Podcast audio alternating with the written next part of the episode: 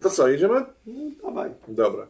E, witam Państwa. Bartosz Rutkowski jest naszym gościem Orla Straż, tak? Tak, E, spotykamy się, gdyż e, mamy kłopoty z migrantami na granicy, a tutaj siedzi przed Państwem rozwiązanie tych kłopotów. Mało tego, że nie, to nie jest teoretyczne rozwiązanie, tylko praktyczne, gdyż czym się zajmujesz od dobrych paru lat? E, Od prawie sześciu lat e, pomagamy na terenie głównie Iraku ludziom, którzy ucierpieli na skutek ataków terrorystycznych, czyli mówiąc krótko, pomagamy ludziom wrócić do życia, które mieli przed wojną. W Iraku. Tak, znaczy konkretnie przed ISIS, tak? Aha. e, Bo dla nich to oni mówią o tym jako wojna, dlatego ja też przyjąłem taką optykę, no bo jeżeli na kimś dokonano ludobójstwa na całym narodzie, no to trudno nie nazywać tego wojną. Mówimy o określonej grupie społecznej. To Tak, nie są wszyscy Irakijczycy, tylko... Nie, nie. Tutaj Mhm. akurat mam na myśli jezydów, w drugiej kolejności e, chrześcijan, no bo akurat jeżeli chodzi o e, tą mniejszość jezycką, która teraz wiem, że jej przedstawiciele też znajdują się na naszej granicy, e, no to to jest grupa etniczno-religijna, na której zgodnie z tym, co i Kongres USA, i Unia, Parlament Unii Europejskiej, i ONZ uchwaliły, no dokonano ludobójstwa. No tak, Bartosz jest szefem fundacji, która zajmuje się pomocą ludziom na miejscu, nie tutaj, w, znaczy nie, nie chodzisz na granicę, nie biegasz z torbami, to nie ten, nie ten sposób, tak? E, odbudowuje domy, bo tam ludzie na miejscu nie mają domów, mieszkają w namiotach od 7 lat już, tak? Bo to Tak, się teraz, teraz ósmą. W 2014 roku w sierpniu było ludobójstwo i no, ludzie przygotowują się teraz powoli do ósmej zimy w namiotach. No, znaczy, odbudowujemy domy. Robimy generalnie wszystko. Mamy tylko cztery zasady, tak jak rozmawialiśmy Mhm. przed e, audycją. To pierwsza to, że minimum 90% zebranych pieniędzy musi trafić do ludzi. Tak? To, jest, to jest dla mnie takie. Postawiłem to sobie za punkt honoru. Druga zasada, że robimy wszystko tam na miejscu, ale znowu to nie wynika z jakichś tam nie wiem, poglądów, tylko no, z takiego powiedzmy common sensu, zdrowego rozsądku, dlatego że środki zainwestowane tam na miejscu pozwalają pomóc zdecydowanie większej ilości ludzi. E, Trzecie, nie wozimy niczego z Polski, jeżeli to jest tylko możliwe, czyli ani wolontariuszy, ani sprzętu, wszystko kupujemy tam na miejscu i, i opieramy naszą pomoc. Nie wiem, jeżeli mamy zbudować dom w Iraku, No. no to niech go buduje miejscowy majster, który przy okazji dostanie wynagrodzenie, tak? Po pierwsze rodzina uchodźców dostanie dom, a po drugie miejscowi robotnicy i majster dostaną wynagrodzenie. No to jest po prostu proste, tak? I, I tak to działa. No i ostatnia zasada jest taka, że nie mamy żadnych własnych pomysłów. Czyli to nie jest tak, że siadamy w Polsce i zastanawiamy się nad tym, jak pomóc biednym ludziom w Egipcie, Iraku czy w innym kraju, tylko po prostu rozmawiamy z tymi ludźmi, no bo Mhm. oni świetnie wiedzą, czego od życia potrzebują i wiedzą, jak żyć. Tak? Tam Mhm. powstały największe cywilizacje w historii, dlatego oni z takim zdumieniem patrzą na Amerykanów, yy, którzy przyjeżdżają, tłumaczą im, jak powinno być skonstruowane społeczeństwo i jak mają żyć. Mhm. Bo rozumiem, że materiały są nawet, bo to już to jest na miejscu, bo jak nawet to zrobiliśmy przed naszą rozmową wcześniejszą, ja też miałem taki obraz, że tam po prostu jest bieda, szyb, pylica, w- wszyscy żyją po prostu w, ro, w rowach, przykrywając się, nie wiem, si- sianem, a tam to wszystko jest tylko kwestia tych ludzi, którzy wyjeżdżają faktycznie do Europy, uciekając przed biedą, e, to jest ta kwestia, że oni nie mają możliwości normalnego tam funkcjonowania, tak? Znaczy ja powiem to tak, yy, jest wszystko, ale nie dla wszystkich. Okej. I przez wszystko rozumiem to, że w szczycie potęgi ISIS y, działały na terenie Iraku i sam odwiedzałem na przykład, żeby się z kimś spotkać. Y, Centrum handlowe, takie jak tutaj niedaleko w Warszawie jest, tam nie wiem jak to się nazywa, jakieś złote tarasy czy coś takiego, no to tam było po prostu wszystko do kupienia i, i od BMW po y, działającego Carrefoura, tak? A Mhm. 9 kilometrów dalej w obozach dla uchodźców ludzie nie dostawali regularnie jedzenia, tak? I głodowali. Mhm. Więc ym, trzeba bardzo ostrożnie e, patrzeć też komu się pomaga, tak? No bo żeby nie dochodziło do takich sytuacji, że społeczność, która dokonywała aktów przemocy, otrzymuje pomoc w pierwszej kolejności przed ludźmi, którzy byli ofiarami tych aktów przemocy, bo z punktu widzenia tych ludzi to jest dramat. A tak się działo. Dzieje pewnie. Znaczy, no, z moich obserwacji wynika, że takie rzeczy się zdarzają, tak? I, i jeżeli no, cały świat rzuca się do odbudowy Mosulu, ja bardzo rozumiem i że Mosul też trzeba odbudować i że tam są zabytki i tak dalej, ale na Boga, no to była stolica państwa islamskiego i może w pierwszej kolejności odbudujmy osady, wsie i miasteczka zniszczone przez ISIS y, ofiarą tego państwa islamskiego, a dopiero potem w drugiej kolejności, ja nie mam nic przeciwko, pomóżmy również odbudować Mosul. Mhm. A z punktu widzenia tych ludzi to wygląda no, dziwnie, tak? Bo cała e, pomoc, przynajmniej duża część i, i też infrastrukturalna idzie w miejsce, no i tego nie są w stanie zrozumieć. Co za ludobójstwo? Bo to jest mało znany temat chyba w, podejrzewam w Polsce. Znaczy generalnie tak króciutko powiem, że yy, w dwóch dosłownie zdaniach yy, my pomagamy mm, właściwie mogę powiedzieć wszystkim, tak? Bo nie mamy jakiegoś klucza religijnego, zdarza się nam pomagać i oczywiście i chrześcijanom, i jezydom, i muzułmanom, i to zarówno i sunnitom, i szyitom. Yy, dlaczego? Dlatego, że naszym jedynym kluczem jest to, czy ktoś był ofiarą ataku terrorystycznego. Jeżeli terroryści uznali, że ktoś jest wart tego, żeby go zabić, to automatycznie mu uznajemy, że jest wart tego, żeby mu pomóc. W sensie rodzinie, pan żyje? Rodzinie, oczywiście, że tak. Yy, czasem nie żyje, a czasem jest tak, że yy, udało się uciec, ale bez niczego, tak? I, i żeby wstać z kolan, trzeba otrzymać jednorazowo jakąś konkretną pomoc no staramy y, się to robić, tak jak mówiłem, tylko i wyłącznie w uzgodnieniu z tymi ludźmi. I takim naszym, powiedzmy, flagowym projektem, który powstał wyłącznie w rozmowach z tymi ludźmi, to jest projekt Dobra Praca. Mianowicie my się pytamy ludzi, y, jaki mieliście zawód przed wojną i czego potrzebujecie, żeby do tego wrócić. Mhm. I na przykład facet, nie mówi, że przed wojną byłem ślusarzem, tak? Mówimy, dobra, to czego potrzebuje, żeby z powrotem otworzyć warsztat ślusarski? On mówi, no, żeby otworzyć warsztat ślusarski, potrzebuje tam, nie wiem, młota udarowego. Budyn, budynku, narzędzi. Tak, no, budynek to ma swój, tak, to czasem trzeba odremontować, bo został spalony, ale potrzebuje szlifierek, wiertarek, e, małej spawarki i te wszystkie rzeczy, które wymieniłem razem z wiertłami, tam elektrodami, tarczami, innymi rzeczami, mhm. kosztowały y, w Iraku 4250 zł. Ile? 4250 zł. Za tyle wyposażyliśmy całkowicie warsztat szwajcarski i ten mężczyzna ze swoimi trzema synami następnego dnia już odbudowywał domy sąsiadów. 4000 zł. Tak. Żeby facet nie wyjeżdżał nigdzie, Wszystkie... został na miejscu. I utrzymywał ośmiosobową rodzinę. I był no bo my ich niczego nie uczymy, rozumiesz? Znaczy, jeżeli możemy... Przejdźmy na to. Tak.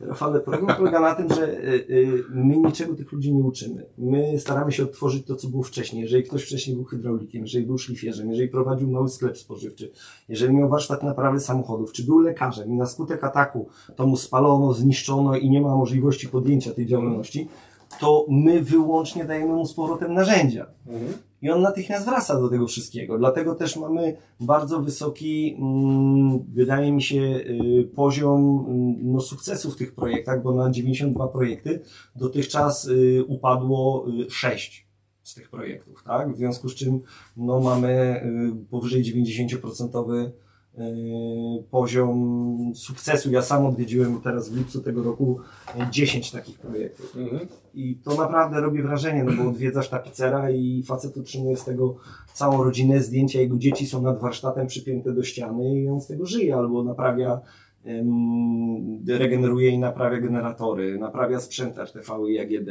Ktoś inny prowadzi y, właśnie działalność y, spożywczą, bar, tak? ktoś inny sklep, ktoś inny zakład fryzjerski. No, kobieta, której zamordowano męża, z córkami udało jej się wrócić z niewoli jezytka, e, pracowała wcześniej w zakładzie fryzjerskim, no to co, no to otworzyliśmy pani po prostu zakład fryzjerski. A co, mówisz, że to jest tak, że ci ludzie, którzy w tej chwili w dużej części, w jakiejś tam części, nie wiadomo w jakiej części, koczują na granicy z Polską, to są ludzie, którym jeżeli byśmy udzielili, tak ty, pomocy na miejscu, to oni by tam nie koczowali w tych krzakach. E, na pewno nie chcieliby w ten sposób y, przedostawać się do Europy Zachodniej, dlatego że oni są zdesperowani. Dwa czy trzy dni temu padły takie słowa, że wolę y, koczować na granicy, mężczyzna z jednej z tych rodzin powiedział, niż od siedmiu lat wegetować w obozie. Mhm. I to znaczy o tym, że jest na 90% jezydem, no bo w 2014 dokonano ludobójstwa i teraz pytanie, urodziło ci się wtedy małe dziecko, tak? Ono dzisiaj ma 7 lat, czyli dochodzi do wieku szkolnego. Ono już jest z tego pokolenia, które jedyne co pamięta to życie w obozie. I to, co ludzi zwykle popycha do, do decyzji, do ucieczki, to nawet nie jest chęć poprawienia własnego losu, tylko to, że nie widzą żadnej przyszłości dla swoich dzieci. Mhm. A jeżeli, no zobacz, teraz y, y, kobiety chcą wrócić, siedem rodzin chcą wrócić w góry z dziećmi mhm. do Sinjaru. Poprosili nas o pomoc i jak ja dostałem listę... Co skąd? Y, od nas czy tam? Nie, nie, na tam, miejscu. Jezydzi chcą wrócić w swój, tak, z obozów chcą wrócić do, do swojego miejsca zamieszkania. Mhm. Y, no i to są problemy typu, że jest dziura w ziemi, gdzie wcześniej było ujęcie wody i trzeba mm, naprawić studnię, tak, żeby działała, czy raczej pompę proszą, żeby części tych kobiet odremontować, części wybudować domy, żeby po prostu miały gdzie mieszkać, e, no to koszt wybudowania takiego zupełnie nowego domu, 42 metry kwadratowe, dwa pomieszczenia mieszkalne po 16 metrów, miejsce na kuchnię, łazienkę, toaletę, otynkowany, podłączony do prądu, drzwi, okna z PCV, to jest w chwili obecnej po tym, jak podrożały kursy walut, około 18 tysięcy złotych. Ilu? 18 tysięcy złotych, no myśmy już prawie 70 tych domów postawili. 18 tysięcy złotych, żeby żeby ludzie godnie żeby mieli zatrzymać gdzie... falę imigracji znaczy, do Europy. Do tego jeszcze muszą mieć możliwość pracy, no to wszystkie te projekty z serii Dobra Praca to są projekty poniżej 10 tysięcy złotych. Ile kosztuje utrzymanie takiego innego imigranta w Europie, jak tutaj przyjedzie? Znaczy, te doświadczenia, które ja mam, to był rok 2016 czy 2017. Rozmawiałem wtedy z rodzinami i chrześcijańskimi, i muzułmańskimi w Niemczech. Siedmioosobowa rodzina, jak wtedy policzyliśmy, mm, tylko, bo to był nie, nie tylko e, sam zasiłek, ale to były pieniądze, które na przykład dostawali na dofinansowanie dojazdów, nauki mhm. języka, mhm. E, mieszkanie. No wszystkie e, razem to była suma kilkunastu, nie chcę teraz skłamać, 12 czy 14 tysięcy złotych miesięcznie. Czyli jeżeli zainwestujemy w tych ludzi te nie wiem, 20 tysięcy złotych raz, to oni trzeba wydawać. E, znaczy, no, za sumę 25 tysięcy złotych jesteśmy tam w stanie rodzinie y, zbudować dom i miejsce pracy, tak powiem. No okej. Okay. I oni z tego skorzystają. Znaczy, no wiele już skorzystało, a mamy dziesiątki czy setki, które czekają na, taką możliwość, tylko my mamy ograniczone możliwości, no u nas jest trzech facetów w Polsce, cała fundacja czy trzy osoby, tak, więc yy, no, tak działamy jak, jak mamy możliwości. Był moment, kiedy nam rząd przez chwilę mm, pomógł, kiedy jeszcze istniał Departament Pomocy Humanitarnej, no po jego rozwiązaniu te możliwości się skończyły i tyle. Akurat w zeszłym tygodniu MSZ odrzucił nam mm, projekty pomocowe, między innymi w Iraku. I to zostaje tak, puszka. Mówisz o, o tej szkole. Znaczy nie, chcieliśmy tam, jest tam już jeden taki ośrodek, który działa dla dzieci sierot i półsierot i razem z tą fundacją, która prowadzi ten jeden, chcieliśmy stworzyć drugi taki ośrodek, też znowu dla około 400 dzieciaków. To naprawdę fajnie działa, bo dzieci po no, zupełnie dramatycznych przejściach mają możliwość i edukacji, i spotkania z psychologiem. To jest dla nich inny świat. Nie? A to już takie rzeczy, które są dla nas, w sensie dla mnie na przykład są nowością, bo to tak mówię, po prostu dziura w ziemi i tam po prostu ludzie, ludzie kończyli o tym mówisz o psychologach, o w, inżynierach, o ludziach, którzy po prostu są e, Rafał, ale to był normalnie działający kraj przed no. 2003 rokiem i to ludzie są tam, no nie wiem, jak ktoś był inżynierem przemysłu petrochemicznego, tak? No owszem, on teraz wegetuje w obozie, może inaczej. Projekt tych domów, które budujemy, yy, stworzył dla nas miejscowy inżynier Duckhill, który jest, ukończył kierunek budownictwa cywilnego na odpowiedniku miejscowej Politechniki. Mm. I myśmy go odwiedzili z panią minister y, w ramach tam wizyty polskiego rządu. No on mieszka w obozie dla uchodźców. Z matką, żoną, trójką małych dzieci na 15 metrach kwadratowych w namiocie, w obozowisku. Facet mówiący perfekt po angielsku, z wyższym wykształceniem. Tam on już teraz znalazł pracę, pracuje dla większych fundacji, które tam robią większe projekty. Tylko to Y, y, no, zaczynał y, z nami i dla niego nie jest projekt, problemem stworzenie projektu miejscowego. Dla, czy, czy to będzie zagroda, czy to będzie dom, czy to będzie on pracę mm, inżynieryjną bronił się z zaprojektowania dużej, dużej firmy zajmującej się recyklingiem śmieci. Mhm.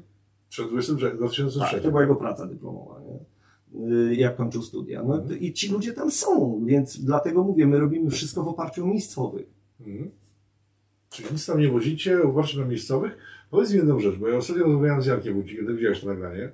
Tak. I tam zadałem pytanie, znaczy zrzuciłem taką tezę, że gdyby nie świat zachodni, to ci ludzie by dalej sobie funkcjonowali i nie byłoby fali imigracji, terroryzmu i tak dalej, tak? bo tam spokojnie sobie funkcjonowali. Jak to wyglądało wcześniej, zanim tam Zachód nie wkroczył z demokracją? Znaczy, no, jak wyglądało? Wyglądało tak, że były systemy niedemokratyczne, no za to systemy, które nie pozwalały jednocześnie na rozwój ekstremizmu. No, chyba nie jest dla nikogo żadnym E, nie wiem, jakimś odkryciem, że 2003 rok, tak, mm, inwazja dokonana jakby nie było na podstawie całkowicie fałszywych przesłanek, no przecież Irak nie miał i nie posiadał żadnej broni ani biologicznej, ani chemicznej. Ani nie współpracował z Bin Ladenem. No dokładnie, w związku z czym y, y, dokonano tej inwazji na podstawie po prostu no, kłamliwych przesłanek, tak, i zniszczono kraj. Ja, broń Boże, nie staję tutaj, żeby było jasne, w obronie Saddama Husseina, ale też, no, rozmawiając z setkami Irakijczyków, w tym niektórymi Kurdami, na których Saddam Hussein dokonał ludobójstwa, tak, to nawet ci ludzie potrafią wypowiedzieć, że no, teraz na pewno nie jest lepiej, tak. To daje troszeczkę do myślenia, więc y, no, zniszczono kraj, przede wszystkim rozbito go y, wewnętrznie. Jedyną instytucję, która mogła go wtedy scalić, czyli armię. Przecież jak ja słyszę, że przez przypadek Amerykanie nieświadomi skutków rozwiązali, no nie gniewaj się, nie wierzę w takie rzeczy. Tak? Ten kraj jest w chwili obecnej pod okupacją w dużej mierze, moim prywatnym zdaniem, amerykańsko-brytyjską, po tym co widziałem. No i życzę tylko Irakijczykom, żeby mogli w pełni stanąć na własnych nogach i żeby im wpływy państw ościennych oraz mocarstw globalnych w tym nie przeszkodziły. Tak? Mhm. Jak ta okupacja wygląda? Jaki jest stosunek Irakijczyków do, do okupantów? Znaczy ja Bo używam całkowicie świadomie, uśmiechem, tak? no, no to z tym przyjmowaniem uśmiechem to oczywiście też zależy gdzie i jak. Pamiętajmy, że te przekazy medialne są dość specyficzne.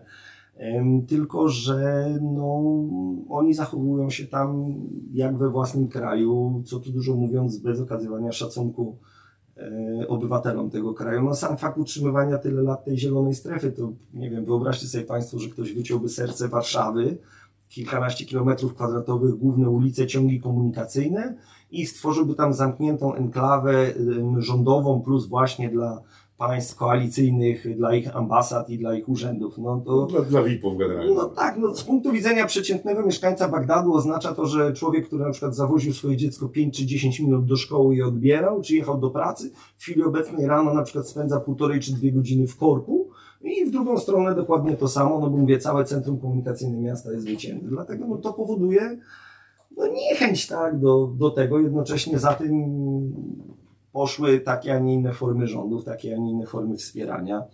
Moim zdaniem, bo ludzie mówią nieprzemyślane, ja uważam, że przemyślane, tak, że takie rzeczy nie dzieją się przez przypadek. Ale co, celem była ropa? Destabilizacja? Rafał, ja nie chciałbym się wypowiadać na tematy geopolityczne, ponieważ ja tam muszę, byłem na razie na Bliskim Wschodzie 11 razy i mam zamiar jeszcze wiele Okej. razy pojechać. Okej. powiem to najłagodniej, mm, aby móc walczyć z terroryzmem, tak? Bo zacznijmy od samego problemu ISIS. Yy, oficjalna wersja jest taka, że terroryści z ISIS utworzyli. Czekaj. Bo się na czerwono świecą, nie wiem, czy się nie włączyły właśnie. Okej. Muszę- A, nagrywa, okej.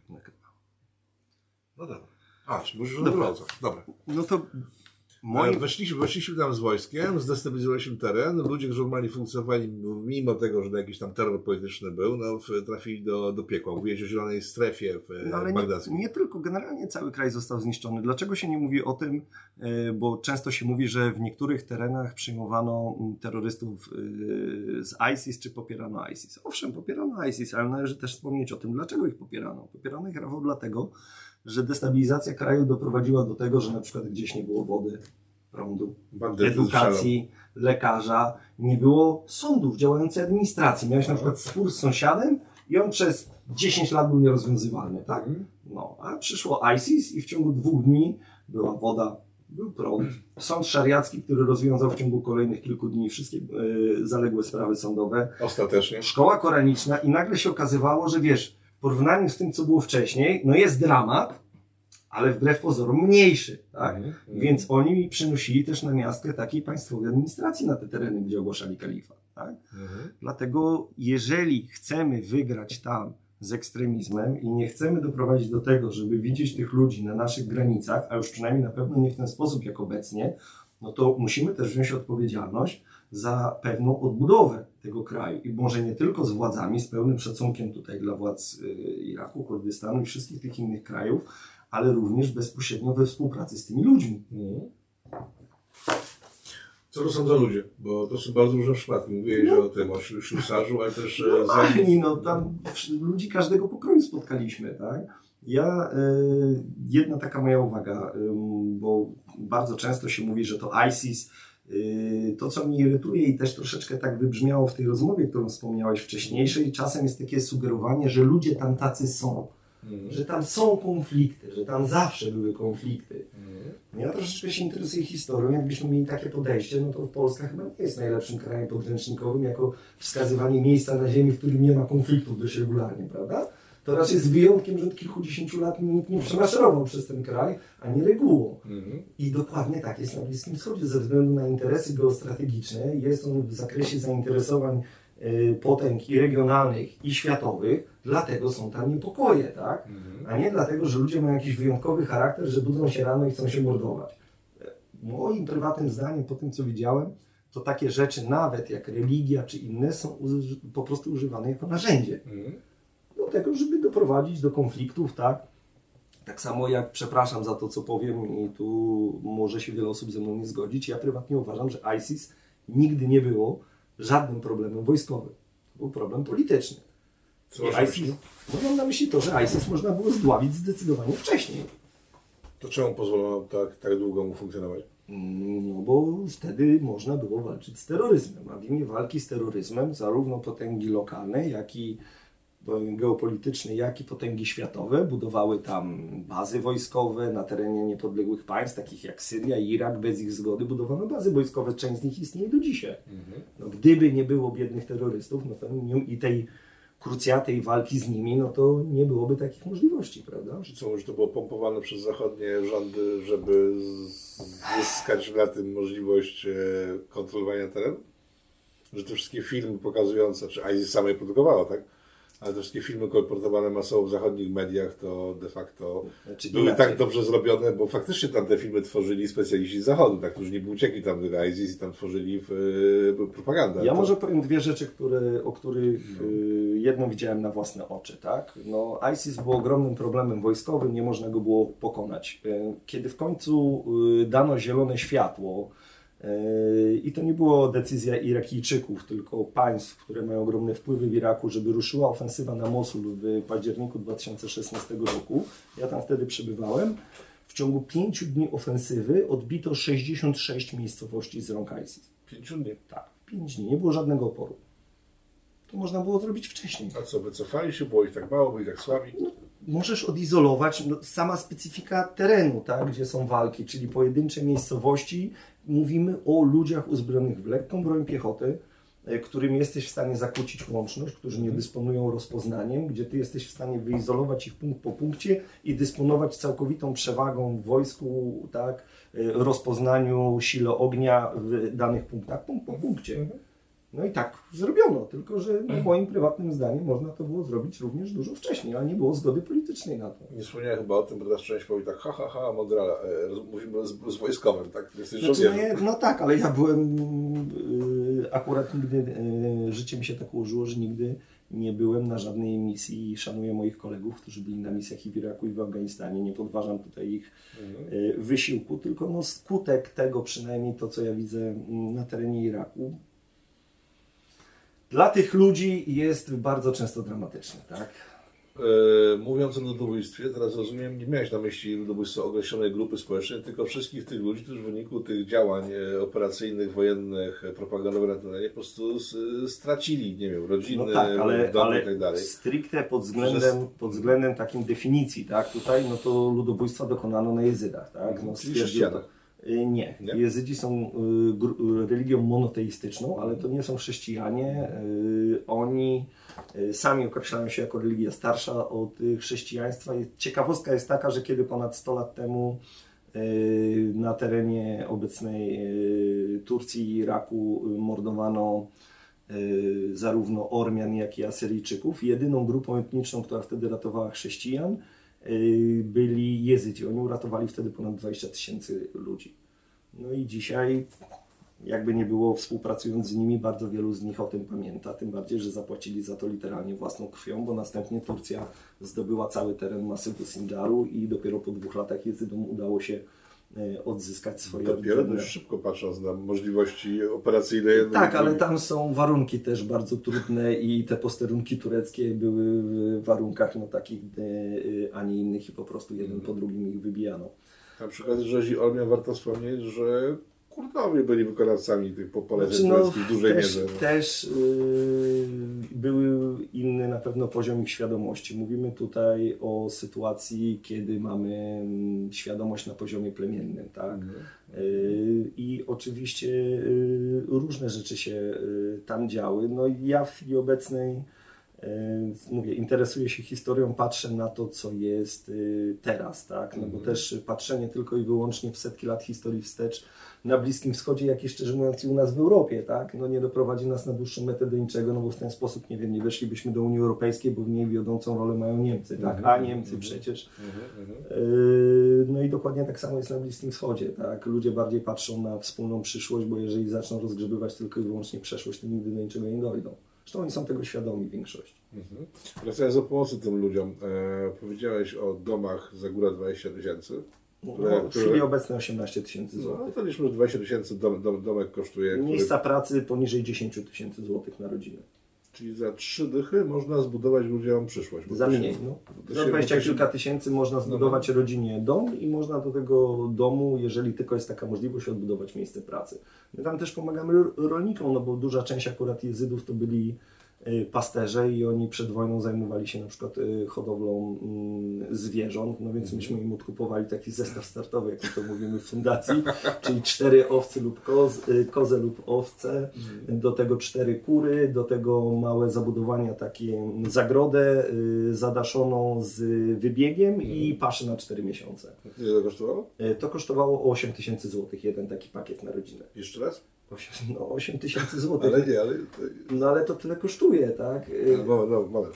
Bierzemy 8 tysięcy złotych, tak? No i rolnik, który się tym zajmował przed wojną, dalej ma możliwość zajmowania się i co więcej, jeżeli to naprawdę umie, to nie jest tak, że niczego, bo też myśmy wtedy robili ten jako projekt, część tych rodzin na przykład sprzedała część tych zwierząt, tak? Mieliśmy sytuację pana, któremu najlepiej to poszło, on rozmnożył to stado do 10 e, zwierząt, potem bardzo ciężko zachorował i wyprzedał zwierzęta, dzięki czemu miał dostęp do opieki lekarskiej i przeżył.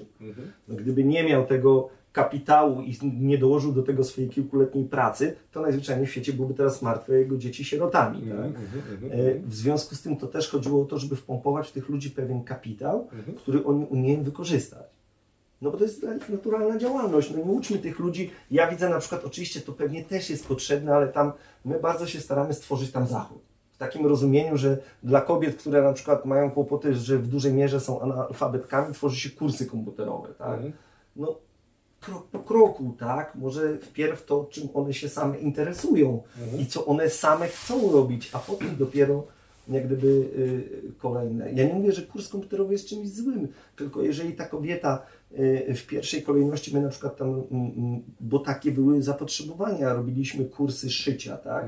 I panie, które po ukończeniu kursu deklarowały się, otrzymywały na przykład maszynę i mamy kilka zakładów, powiedzmy małych krawieckich, które z tego powstały i te panie razem na przykład pracują z córką, utrzymują z tego rodzinę, no to chyba o to chodzi, tak? Żeby ja jestem przeciwnikiem długotrwałego uzależnienia ludzi od, pomocy humanitarnej. Tak, bo to nic tak? gorszego nie ma. Znaczy, z moich obserwacji wynika, że po pewnym czasie skutki zaczynają być przeciwstawne, czyli zaczyna się wyuczona bezradność. Ludzi, którzy mają naturalną chęć podejmowania pracy, ży godnego życia na co dzień, no, są z tego odzierani za grosze, bo na przykład ktoś daje rodzinie 23 dolary na członka rodziny i ludzie po paru latach Nie na muszą nie chcą opuścić obozu, bo się boją, bo nie wiedzą, co będzie poza obozem, a tutaj mają tę minimalną głodową nawet, że nie to, że nie, nie muszą się starać, tylko nie potrafią po prostu pewnym No dlatego tak? ukreśliłem, użyłem określenia wyuczona bezradność. Mhm. Ludzie, którzy wcześniej mieli zawód, byli pełni inicjatywy, gotowi do podjęcia ryzyka, do podjęcia próby powrócenia.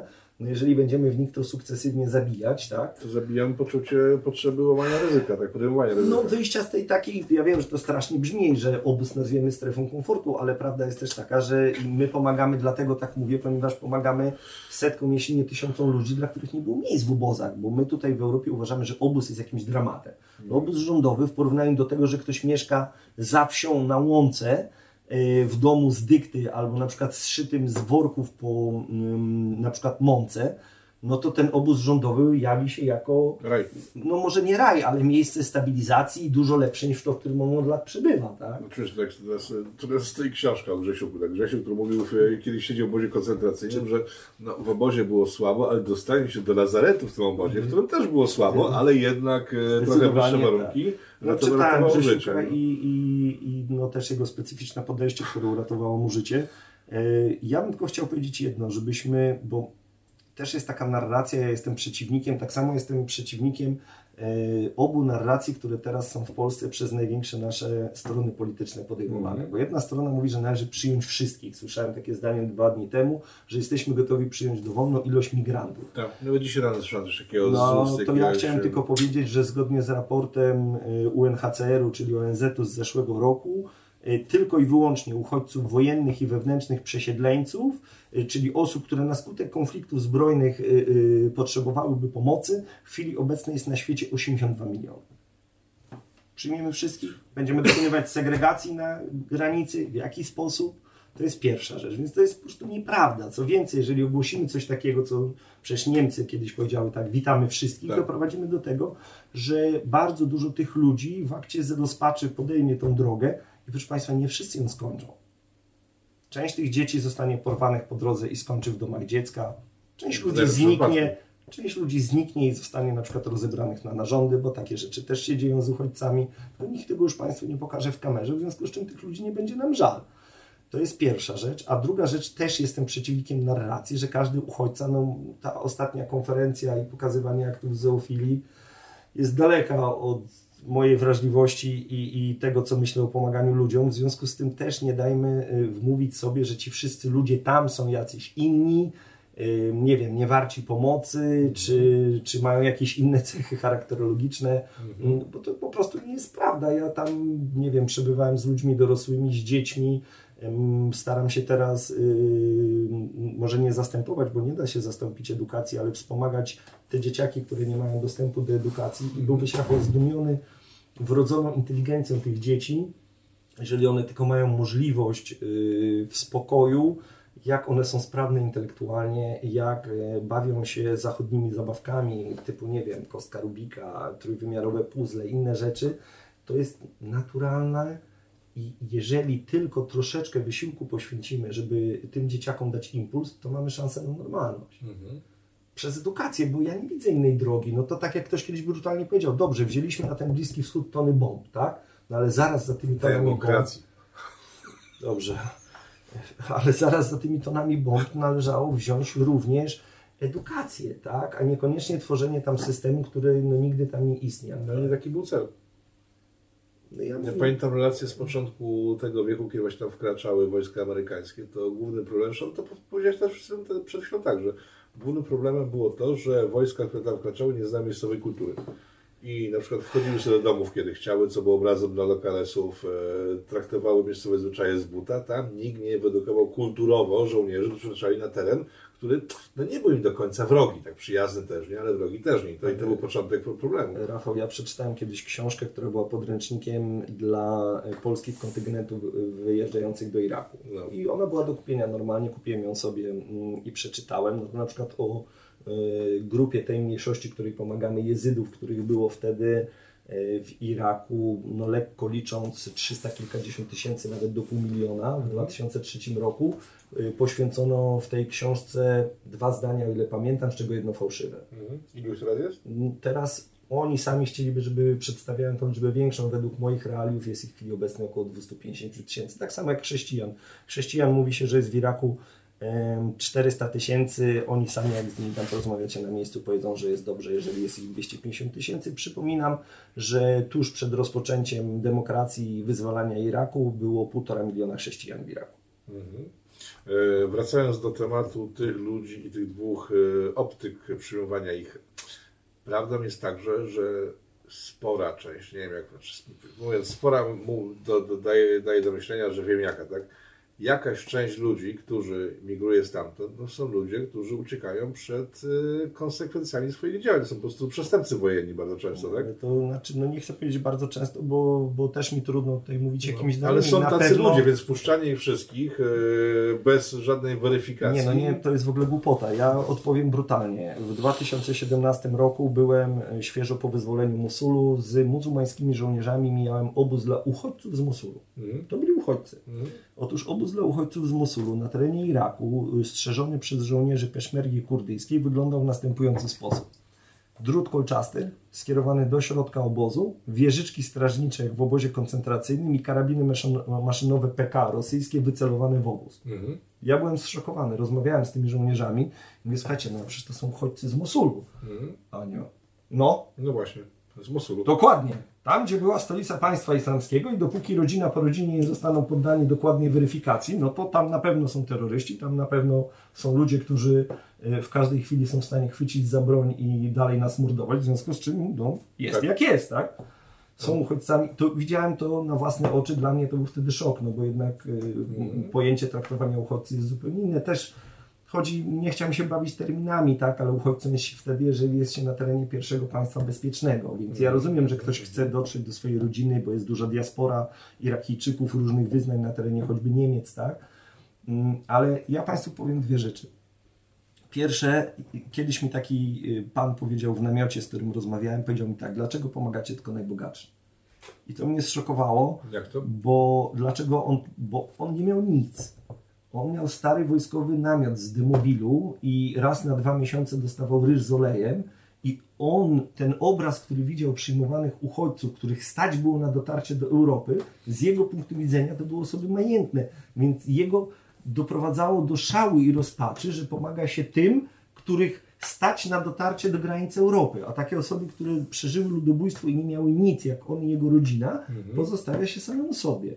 To jest y, y, jedna y, rzecz, a druga rzecz, rozmawiałem z mężczyzną, który widział swojego sąsiada, który osobiście podpalił mu dom, no jako uchodźcę w Niemczech, tak? I to też, proszę Państwa, troszeczkę zmienia optykę, bo ja wyjeżdżałem tam w roku 2016, w lutym, jako osoba z nastawieniem takim, miałem, starałem się mieć jak najbardziej otwartą głowę i myślę, że do dzisiaj, jeżeli chodzi o, o rozmowy ze wszystkimi religiami, wszystkimi kulturami, staram się tego trzymać, ale y, no, ktoś był ofiarą, a ktoś był katem i też dokładne, no, Stany Zjednoczone weryfikują po dwa lata rodziny, nim kogoś wpuszczą, Australia po cztery lata, tak? Potrafi odesłać gdzieś po tym terminie się okaże, Oczywiście, to... że tak. Więc jak ja słyszę, że mamy bez weryfikacji wpuścić wszystkich, no nie, proszę Państwa, jestem obywatelem państwa polskiego, mam tutaj żonę i dwójkę dzieci i jestem, pomimo, że jestem całym sercem za pomocą uchodźcom i przede wszystkim e, ofiarom e, wojny i ludobójstwa, w tym w głównej mierze kobietom i dzieciom, to jestem przeciwnikiem, żeby robić to w sposób niezorganizowany i bez weryfikacji. I przed naszym nagraniem e, wspomniałeś, w sensie wspomniałeś, że to była szeroka historia dziewczyny, która, której pomagacie na miejscu, która w wieku 17 lat została porwana przez ISIS. e, Była przez- trzymana w klatce, wykorzystywana seksualnie tak, i straciła jedno płuco. Mhm. Ale to jest o tyle ciekawa historia, że. Teraz jest pod waszą opieką. Znaczy, ona już na szczęście nie jest pod naszą opieką. Ona dostała od nas wsparcie razem z siostrą dotyczące jej zamieszkania, i ubioru, i wyżywienia i tak dalej. Po czym, jak chcieliśmy dać kolejną ratę wsparcia, to proszę sobie wyobrazić, że ona odmówiła. Bo powiedziała, że ona już żyje z rodziną, już jest wszystko ok i żebyśmy przeznaczyli te pieniądze na pomoc komuś innemu. Okej. To w ogóle nam się tam zdarzyło parukrotnie, bo obraz w Europie jest taki, że uchodźca to jest ktoś, kto Studnia bez dna. tak, przychodzi tutaj i prosi o wsparcie i należy go mu latami udzielać, a my tam mamy takie sytuacje, że na przykład rodzina przed wojną prowadziła biznes związany z żywnością. Poprosili nas o otwarcie baru sałatkowego. Myśmy im ten bar sałatkowy za tam sumę... To na szeroko, ślusarze, bary sałatkowe. No, jaki kto miał zawód, taki odbudowujemy. No tak, dosłownie. Oni, oni z makaronu, warzyw i mięsa robili mm, ludziom idącym rano do pracy sałatki zamykane w pojemniki plastikowe. Mhm. Tak? Mieli ladę chłodniczą, myśmy im wyremontowali spalone pomieszczenie i tak dalej. Ile to kosztowało? Nie chcę teraz skłamać, o ile dobrze pamiętam, to była suma w granicach 1,5 tysiąca dolarów, czyli wtedy po kursie dolara to było około 6 tysięcy złotych. Żartujesz. Nie, i oni, ale problem jest czym innym. Oni po trochę ponad roku, ile pamiętam, z, z nami się skontaktowali i zapytali się, czy mogą go zamknąć. Więc my po pierwsze nie mieli takiego obowiązku, ale Mhm. skontaktowali się z nami Mhm. i my mówimy, no dobrze, a co się stało? Mówią, no zarobiliśmy już tyle pieniędzy, że chcielibyśmy otworzyć firmę coś cateringową, nie- nie no. większą. No, no, no. I mówimy, nie no, to w tej sytuacji oczywiście, tak? Oni po prostu sprzedali to wszystko. Ten mężczyzna od tego czasu dwukrotnie odwiedził nas, wpłacając tam w Iraku do naszych wolontariuszy sumy po kilkaset dolarów. Co jest duże na te warunki. No tak, tak, to tak jakby wpłacił na przykład miesięczną czy półtora miesięczną pensję, Okej. żeby komuś innemu pomóc, bo oni już Ja, pytam, żyją, wyremontowali dom, odbudowali firmę. ja nie bez powodu cały czas pytam o sumy, bo te sumy pokazują, za jak niewielkie pieniądze można pomóc im i sobie, tak? Bo jeżeli pomożemy tym ludziom, to pomożemy sobie, bo nie będą tutaj przyjeżdżać, tak? Rafał, my mamy teraz do odbudowania szkołę w takiej wsi, która została zniszczona. Myśmy w tej wsi też odbudowali już kilkanaście domów. Koszt odbudowy y, szkoły, czyli tak naprawdę jednego pomieszczenia z y, klasy z małym pomieszczeniem dla nauczyciela i toaletami, to jest koszt poniżej 300 tysięcy złotych. Około 300 tysięcy. Ile w tej szkole się będzie dzieci kształcić? Kilkadziesiąt dzieciaków z tej wsi. I teraz problem znowu jest, jest odbudowywana szkoła No. z dużych projektów humanitarnych, ale w odległości kilkunastu kilometrów od nich. No nigdy do niej nie dotrą. No, tam też są potrzebujący, czy nie? Nie, no tak, tylko rozumiesz, że to się robi w ten sposób, że projekty nie mogą być za małe. W związku z tym robi się projekt, że odbudowujemy szkołę dla kilkuset dzieci, bo jest jakiś rejon, a nie patrzymy na to, że te dzieci nie mają w górach możliwości dotarcia do tej szkoły. Ich nikt Rafał nie podwiezie, ponieważ ich rodzice nie mają samochodu, nie działa komunikacja y, y, publiczna, tak? One po prostu dla nich ta szkoła, która jest, nie wiem, 15 km dalej, ona po prostu może nie istnieje. Mhm. No nikt nie pójdzie, nie puści dziecka przez góry 4 godziny marszu w jedną stronę. No. Ile ta szkoła ma kosztować? 30 tysięcy złotych. My mamy 15 zbiórkę teraz osób, założoną. 15 osób, tak? Będzie tam uczone. Nie, więcej, tam będzie kilkadziesiąt dzieciaków, tam już jest nawet nauczyciel, który uczył przed wojną, on też jest gotowy do nauczania, tak? Wiesz co, to ja powiem tak. y, Wyświetlę w tej chwili numer konta, na który Państwo muszą wpłacić pieniądze na tą szkołę, tak? Bo domy to jest masa, masa domów, to będzie trudno po prostu ogarnąć, bo to są jakieś ten... Znaczy generalnie, w- budować krok wyświetlę- po kroku, tak? Widzą Państwo teraz numer konta, będzie w opisie filmu, gdzie można wpłacać pieniądze, które trafią do Orlej Straży, za które pieniądze powstanie tam pomoc na miejscu. W, To mogę zagwarantować No. w 110%. jeżeli, jeżeli, jeżeli słu- słuchacie nas, uważacie, że to, co tutaj w, jest przedstawiane, e, ma sens, a ma sens moim zdaniem, to w tym, w tym tygodniu nie robię innego, tylko w, zbieram, na, ten, na, na Orlą Straż. Znaczy, ja korzystając z tego, że y, udało mi się tu trafić, miałbym jedną prośbę. No. Żebyście Państwo nie wierzyli nikomu tylko i wyłącznie na podstawie tego, że jest w środkach masowego przekazu. Błagam, zweryfikujcie to, co ja powiedziałem. No tak? tak. Poszukajcie materiałów, skontaktujcie się z kimś, są media społecznościowe. Można dotrzeć do ludzi, którzy tam mieszkają. Kupiony z wyprzedzeniem bilet do Kurdystanu i z powrotem to jest koszt rzędu 2000 zł. Naprawdę można samemu sobie sprawdzić to, co się tam dzieje i wyrobić własną opinię. Znaczy, myślę, że większość widzów nie poleci do Kurdystanu. Znaczy, ja tylko mówię, że są takie możliwości, bo no, nie wszystko, co Państwo widzicie w środkach masowego przekazu, a szczerze mówiąc, ogromna część tego, no powiedzmy, że nie jest w pełni prawdziwym odzwierciedleniem sytuacji w tych krajach. Mhm. Tak, już chyba bardziej łagodnie tego nie mogę powiedzieć. Dobrze, e, kiedy budujecie dom, on kosztuje 20 tysięcy. Kiedy jakaś rządowa fundacja buduje ten dom, ile on kosztuje? Nie chcę się wypowiadać Okej, o innych dobra. fundacjach, ani polskich, ani zagranicznych. Dobrze, w porządku. Za Orlą Straż można mnie rozliczać 24 godziny na dobę. Mhm. Tak to wygląda. I jeszcze jedna prośba, proszę Państwa. Y, Czasem mówimy, że tutaj mm, przyjmiemy wszystkich. Proszę mi uwierzyć, z moich obserwacji wynika, że w pierwszej kolejności nie trafiają ludzie najbiedniejsi i w pierwszej kolejności ci, którzy potrzebują pomocy, tylko trafiają ludzie najlepiej wykształceni, znający język i też dysponujący pewnymi środkami finansowymi. I tych ludzi tam potem w tych krajach brakuje. Trudno jest odbudować linię elektryczną, jak nie ma inżyniera, bo wyjechał do kraju zachodniego. Trudno jest odbudować szkołę, jeżeli nie ma dyrektora czy nauczycieli. Trudno jest leczyć dzieciaki, jak nie ma lekarza. My się chwalimy, że tych ludzi przyjmujemy do Europy, ale tak naprawdę to doprowadzamy do dramatu w tych krajach. Bo ta warstwa wykształcona, technokratyczna, ludzie w najgorszej sytuacji, najbiedniejsi tutaj nie przyjadą, bo nie będą mieli jak. Więc zastanówmy się też nad długofalowymi skutkami tej naszej działalności. Niektóre państwa zachodnie budują szkoły wyższe, uniwersytety na terenie Iraku. Jest możliwość uczęszczania do nich przez uchodźców. Ci, którzy mają najlepsze wyniki, co się z nimi dzieje? Są ściągani do Europy. Znają język, są wykształceni. Czyli co, kształceni są na miejscu specjaliści w różnych dziedzinach, Tak. inżynierowie, lekarze, ci słynni inżynierowie, lekarze. O lekarzach nie, ale inżynierowie poznałem niedawno uchodźcę jezyckiego, dwudziestoparoletniego chłopaka, który właśnie w szkole prowadzonej przez Niemcy na terenie Iraku y, skończył pracę magisterską z astrofizyki. I dostał oczywiście ofertę wyjazdu i pracy w Niemczech. Iraku, astrofizyk. Tak, tak, uchodźca. Bardzo zdolny młody człowiek, tylko on powinien mieć możliwość pracowania na rzecz swojej społeczności godnie na miejscu. No tym, że to Zachód mówi, to jest e, przykład taki program o Mozambiku robiłem z, e, Janem Wójcikiem. E, Oni tam korzystając z zasobów Mozambiku, e, Zachód, Portugalia dokładnie, e, mówi, że nie ma miejscowych specjalistów, więc muszą ściągać własnych, w związku z tym miejscowi żyją w biedzie, ale jak rozumiem, pewnie kształcą tych co bardziej wybitnych miejscowych specjalistów i później ich zabierają. Ja tylko mówię o rzeczach, które widziałem na no, własne okay, ale nie wiem, szukam oczy, schematu, bo- wiesz, wiesz co. Bo powiem tak, ten chłopak y, dotychczas znam go bardzo dobrze, bo w naszym takim centrum, gdzie pod naszą opieką jest ponad setka dzieciaków w górach, w największym dzikim obozowisku Sardaszti, Mhm.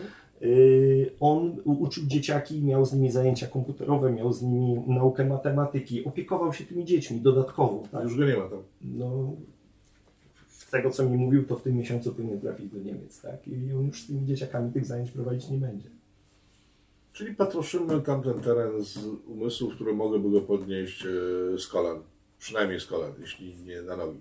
Znaczy, no, moja opinia jest taka, że dajmy tym ludziom możliwość oczywiście edukacji, wspierajmy to, ale przede wszystkim doceniajmy tych, którzy chcą tam wrócić. A ja znam ludzi, którzy pojechali na studia do innych krajów i potem wrócili tam pracować. A z powrotem. Tak, tak. Mimo, że Znam mieli- rodziny, które wróciły na przykład z Francji. Dwa lata miały status uchodźców, mieszkały we Francji i po dwóch latach i zobaczeniu jak wygląda życie w Republice Francuskiej, e, rodziny wróciły z powrotem do Iraku. No właśnie, jakie były powody? Bo już tak dobrze, prostu tak się, tak się w, Nie. obłowiły, że To, co zobaczyły we Francji spowodowało, że nie chciały, żeby te ich dzieci tam po prostu się edukowały i miały tam swoją dalszą przyszłość. No bezpieczniej czuli się i lepiej w Iraku niż, niż we Francji. Moment. Ludzie uciekają z Iraku, gdzie Tak. jest bieda, szyby, pylica, jest niebezpiecznie i tak dalej, do Europy Zachodniej, po po dwóch latach stwierdzają, że w Iraku jest bezpiecznie, tak? To powiedziałeś? No ale ja z tymi ludźmi rozmawiałem, także to jeżeli ktoś mi nie wierzy, to mogę go skontaktować. No, zaczęło się od tego, że dziewczynka zaczęła płynnie rozmawiać z moją wolontariuszką w języku francuskim, stąd nas to zaciekawiło. No i się okazało, że rodzina niedawno wróciła z Francji. No Mhm. jak wróciliście? No mieliśmy status uchodźców i, no i wróciliśmy po dwóch latach. No, Bo, bo tam było bardziej niebezpiecznie niż... no w ich ocenie życie tam ich dzieci, rozwój byłoby gorsze niż y, dla ich głównych, bo ludzie patrzą przez pryzmat dzieci, tak? Mhm. Niż na terenie Iraku i wrócili dwie rodziny. A to też rozbija mi do tym, że ci No, ale to są, ja nie chcę, bo Nie wiem, chciałbym ale- czegoś takiego, że na wyjątkach że tak, regułę, tak, tak, nie, absolutnie. Nie. Bo Nie. ja tylko pokazuję, że ta moneta ma więcej niż tylko i wyłącznie jedną stronę, tak? No ja poznałem ludzi, państwo kojarzy się, że w czasie wojny wszyscy uciekają, a ja tam spotkałem na miejscu w 2016 roku przedstawicieli na przykład ludzi, którzy mieli obywatelstwo Australii czy Szwecji, y, którzy mieli firmy, mieli na przykład kilkanaście lat już obywatelstwo tych krajów i pomimo tego y, oni zostawili firmy, rodziny i zgłosili się do jednostek samoobrony walczących z ISIS w Iraku. Mhm. Przyjechali do Iraku, ryzykując tym, że zostaną pozbawieni obywatelstwa wszelkiego i ten, żeby bronić swoich rodzinnych wsi, tam gdzie mieszkali ich rodzice, bliscy. Tak. Mhm. No to też jest raczej historia, której w mediach się nie spotyka. Tak. Dużo jest takich rzeczy i, i dlatego mówię, zachęcam do tego, żeby zainteresować się tym regionem i szukać własnych źródeł, bo no, jak najistotniejsze jest to, żeby... Znaczy ja o tym zawsze mówię, robię wiadomości piątkowe, że po prostu weryfikujcie. Ja mogę się pomylić, ja po prostu mieć słaby No dzień. ja też dzisiaj się mogłem, No. proszę Państwa, jesteśmy tylko ludźmi, staramy się jak najlepiej, ale y, y, ja zawsze liczę na to, na, y, Polacy są naprawdę inteligentnym narodem i przede wszystkim mm, pomagającym mm, i bardzo chętnym do pomocy. Jak słyszę czasem argument, że Polacy nie chcą pomagać, tam są ksenofobiczni, proszę Państwa, ja żebrze z puszką w ręku na terenie całej Polski, więc myślę, że z czystym sumieniem, po ponad setce zbiórek mogę coś o tym powiedzieć. Nie, nie jesteśmy. E, Chcemy pomagać, tylko chcemy mieć pewność, że ta pomoc trafia faktycznie do potrzebujących i, i że po prostu jest to efektywne. Tak? Mhm. Jak już gdzieś docieramy do ludzi, to, to ludzie e, reagują na tą naszą obecność i na to, co robimy naprawdę bardzo pozytywnie. Okej. Coś możemy dodać jeszcze dzisiaj? Czy to na razie chyba wyczerpuje temat? Ja myślę, że wszystko co najważniejsze zapraszam do odwiedzenia naszej strony i kanału na YouTubie www.orlastraszy.org i tam znajdziecie Państwo wszystkie materiały i zapraszam do tego, żeby Jezu, i tam- ocenić to, co robimy. Tam jest masa ciekawych publikacji, między innymi takie, w których znajdziecie informacje o tym, co chłopaki robią, e, broszury, ale to rozumiem, że znajdą ludzie wszystko na No, stronie. wszystko, wszystko po to mamy e, naszego e, dzielnego Dawida, pracownika fundacji, który głównie Pozdrawiam Dawida. Tak, pozdrawiamy Dawida i Darka, który jest fundamentem, z kolei też emerytowany wojskowy, który prowadzi biuro i zawsze jest, e, No. a bez niego no, nie dałoby się prowadzić. Tak, tak. nas jest trzech. W tym, w tym, człowiek, w tym człowiek, którego poznałeś na, na miejscu. Y, Tak, no Dawid y, był ochotnikiem samoobrony chrześcijańskiej, który walczył pod Mosulem przez kilka miesięcy po tym, jak zobaczył materiały o spaleniu mm, dziewczyn jazyckich, które odmówiły dalszego gwałcenia i zostały spalone w Mosulu. I chłopak, 20 wtedy paroletni w Polsce, spakował plecak i wyjechał sam do Iraku. Tam go na miejscu poznałem, wyskoczył z ciężarówki, więc ja o nie miałem.